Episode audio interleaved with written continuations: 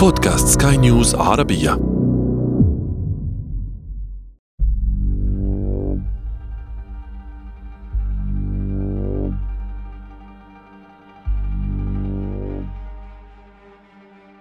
هل يمكن للبشر تصميم زلزال بشكل هندسي؟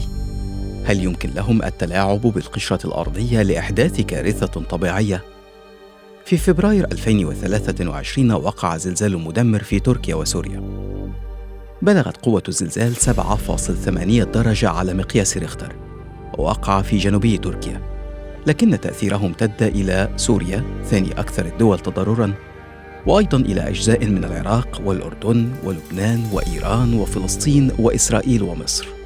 تعلمون الباقي من نشرات الأخبار.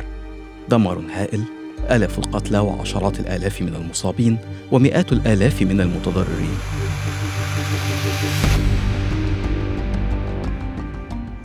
في وقت كانت الأغلبية تتابع أخبار الزلزال وعمليات الإنقاذ ظهر اهتمام غير عادي بتغريدة نشرها خبير زلازل هولندي يدعى فرانك هوجر بيتس قبل ثلاثة أيام فقط من وقوع الزلزال ويتوقع فيها بوقوع زلزال بقوة سبعة ونصف درجة على مقياس ريختر في المنطقة بين جنوب تركيا والأردن وسوريا ولبنان. وبالموازاة مع تغريدة هوجر بيتس اللافتة تداول مستخدمو ال social media أيضا تغريدات تؤكد أن الزلزال كان مهندساً نشرت وأعيد نشر آلاف التغريدات التي تتحدث عن أن الزلزال كان عقابا أمريكيا لتركيا على مواقف سياسية أغضبت الولايات المتحدة.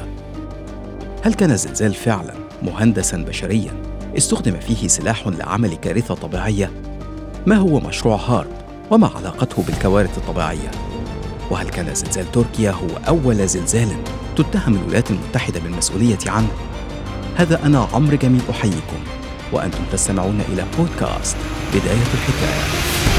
بداية الحكاية. بداية الحكاية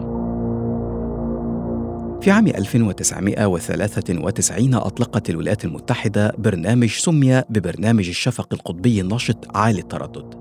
بالإنجليزية The High Frequency Active Auroral Research Program الذي يعرف اختصارا باسم هارب بحسب الموقع الرسمي للبرنامج على الإنترنت فإن البرنامج مخصص لدراسة خصائص وسلوك طبقة الأيونوسفير التي تمتد ما يقرب من 50 إلى 400 ميل فوق سطح الأرض على حافة الفضاء. هارب والمعلومات ما زالت من موقعه الإلكتروني الذي يمكن لأي أحد الاطلاع عليه هو أكثر أجهزة الإرسال عالية التردد قدرة في العالم لدراسة الأيونوسفير بغرض إثارة منطقة محدودة من الأيونوسفير مؤقتا لدراستها علميا. طيب ماذا يعني هذا الكلام؟ يعني أن برنامج هارب يستخدم موجات عالية التردد لتسخين جزء معين من طبقة الأيونوسفير في طريقة عمل مشابهة لعمل الميكروويف في تسخين الطعام ثم مراقبة العمليات الفيزيائية التي تحدث في تلك المنطقة من الغلاف الجوي يوجد في الموقع بعد ذلك مقالات حول قدرات هارب وفرص التعاون التي يوفرها في دراسة الفيزياء والفضاء المفترض إذن أن البرنامج معلن عنه وموقعه الإلكتروني مفتوح لأي شخص للاطلاع على تفاصيله أو المعلن من تفاصيله.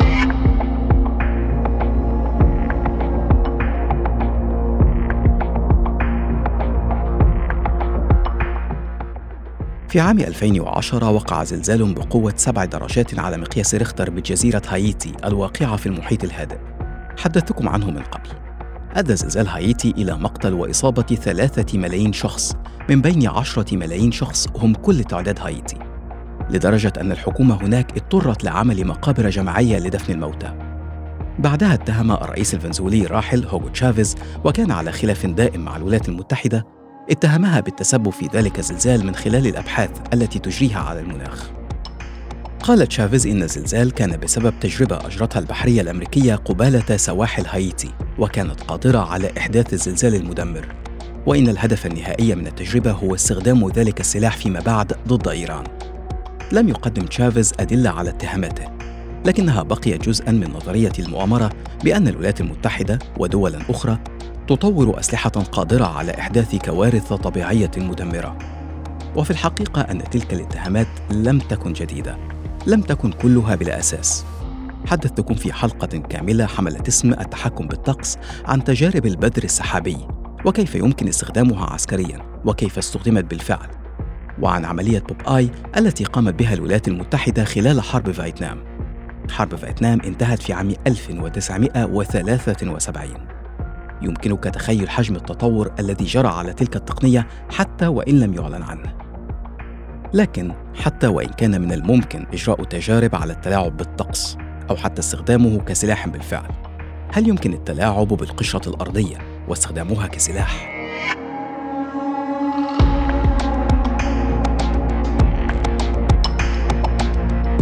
في عام 1970 أطلق الاتحاد السوفيتي برنامجا للوصول إلى مركز الأرض ذهب السوفييت إلى شبه جزيرة كولا في الدائرة القطبية وهناك أنشأوا محطة أبحاث علمية ثم بدأوا في حفر الأرض. كان البرنامج طموحا أكثر من اللازم كما اتضح فيما بعد. فبعد عشرين عاما من الحفر وصل السوفييت إلى عمق تجاوز بقليل 12 كيلومتر ثم توقفوا بسبب الارتفاع الهائل لدرجة الحرارة التي وصلت إلى 180 درجة مئوية. ثم توقف البرنامج بعد ذلك نهائيا بعد انهيار الاتحاد السوفيتي. كانت هناك تجارب مماثلة للأمريكيين والألمان الذين صادفهم نفس المصير ولم يستطع أحد منهم الوصول إلى وشاح الأرض وليس إلى مركز الأرض. لمعرفة الفارق فإن كوكب الأرض أشبه بالبصلة تمثل القشرة الأرضية الغلاف الرقيق الخارجي للكوكب واصل سمكه إلى 40 كيلومترا. ثم يوجد تحت هذا الغلاف الوشاح الذي يبلغ سمكه 1800 ميل. ثم بعد ذلك النواة التي تشكل مركز الأرض صحيح أن مشاريع كولا الروسي ومحول الأمريكي وغيرها لم تصل إلى ما كانت تبحث عنه لكن أيضا لم تعرف النتائج الكاملة لهذه الأبحاث وهل كان لها تأثير على الأرض؟ وما هو الهدف الأساسي أصلا؟ هل كان الوصول إلى نواة الأرض أو الحصول على عينات من وشاح الأرض أو حتى التلاعب بالقشرة الأرضية؟ مرة أخرى هل طور البشر القدرة العلمية على إحداث تغيير أو التلاعب في القشرة الأرضية؟ في عام 2017 أجرى علماء من جامعتي دورام ونيوكاسل في بريطانيا دراسة نشرتها مجلة Seismological Research Letters المتخصصة في أبحاث الزلازل والقشرة الأرضية وأظهرت 730 موقعاً تسبب فيها النشاط البشري في حدوث الزلازل على مدار ال 150 عاماً الماضية قال الباحثون إن البيانات أظهرت أن أنشطة مثل التعدين وبناء السدود وتخزين المياه وحتى الصرف الصحي كلها أسباب أدت لوقوع الزلازل. كما قالوا إنه إذا كانت الزلازل الطبيعية تحدث عادة على طول خطوط التصدع الطبيعية في القشرة الأرضية فإن الزلازل التي تحدث بسبب البشر يمكن أن تكون بعيداً عن حواف الصفائح التكتونية. في عام 2008 مثلا توفي تقريبا 80 ألف شخص في أعقاب زلزال قوته 7.9 درجة في مقاطعة سيشوان الصينية. يعتقد العلماء أنه نتج عن وزن 320 مليون طن من المياه تم جمعها في خزان زيبينغ بو أو أتمنى أن يكون هذا اسمه الصحيح على خط صدع معروف. في الولايات المتحدة عادت معظم الزلازل التي تسببت بها أنشطة بشرية لأعمال التنقيب عن النفط والغاز خصوصا في ولايات مثل أوكلاهوما وتكساس وكانساس وأركانساس. ولا أدري إن كان تشابه الأسماء هو ما يثير حفيظة الزلازل. ارتفعت الهزات من صنع الإنسان في الولايات المتحدة منذ عام 2001 من متوسط سابق يقدر ب 21 زلزالا سنويا إلى 188 زلزالا تم توثيقهم في عام 2011 من 21 زلزالا في 2001 إلى 188 زلزالا في 2011 هل تتخيل حجم الفارق؟ دعنا نعود الآن معا إلى المربع الأول. هناك تجارب معروفة تتم للتحكم بالطقس. وتجارب معروفة ولم تعرف نتائجها على القشرة الأرضية. وهناك دراسات تؤكد أن الأنشطة البشرية يمكن لها أن تحدث زلازل واهتزازات في الأرض. لكن في المقابل هل وصلت الولايات المتحدة أو أي دولة أخرى لتقنية تسمح لها بالتلاعب بالفعل في القشرة الأرضية؟ هل لو كانت الولايات المتحدة لديها القدرة واستخدمتها لمعاقبة تركيا على مواقف لا تعجبها ألم يكن بالأجدى أن تستخدم هذا السلاح ضد دول أكثر عداوة معها؟ مثل إيران أو كوريا الشمالية؟ لن أخبرك بقناعتي الشخصية في ذلك، ولكني سأخبرك بقناعة أخرى، هي أن البشر لن يتوقفوا عن هندسة أسلحة أو حتى استخدام الطبيعة كأسلحة من أجل تدمير أنفسهم. بداية الحكاية بداية الحكاية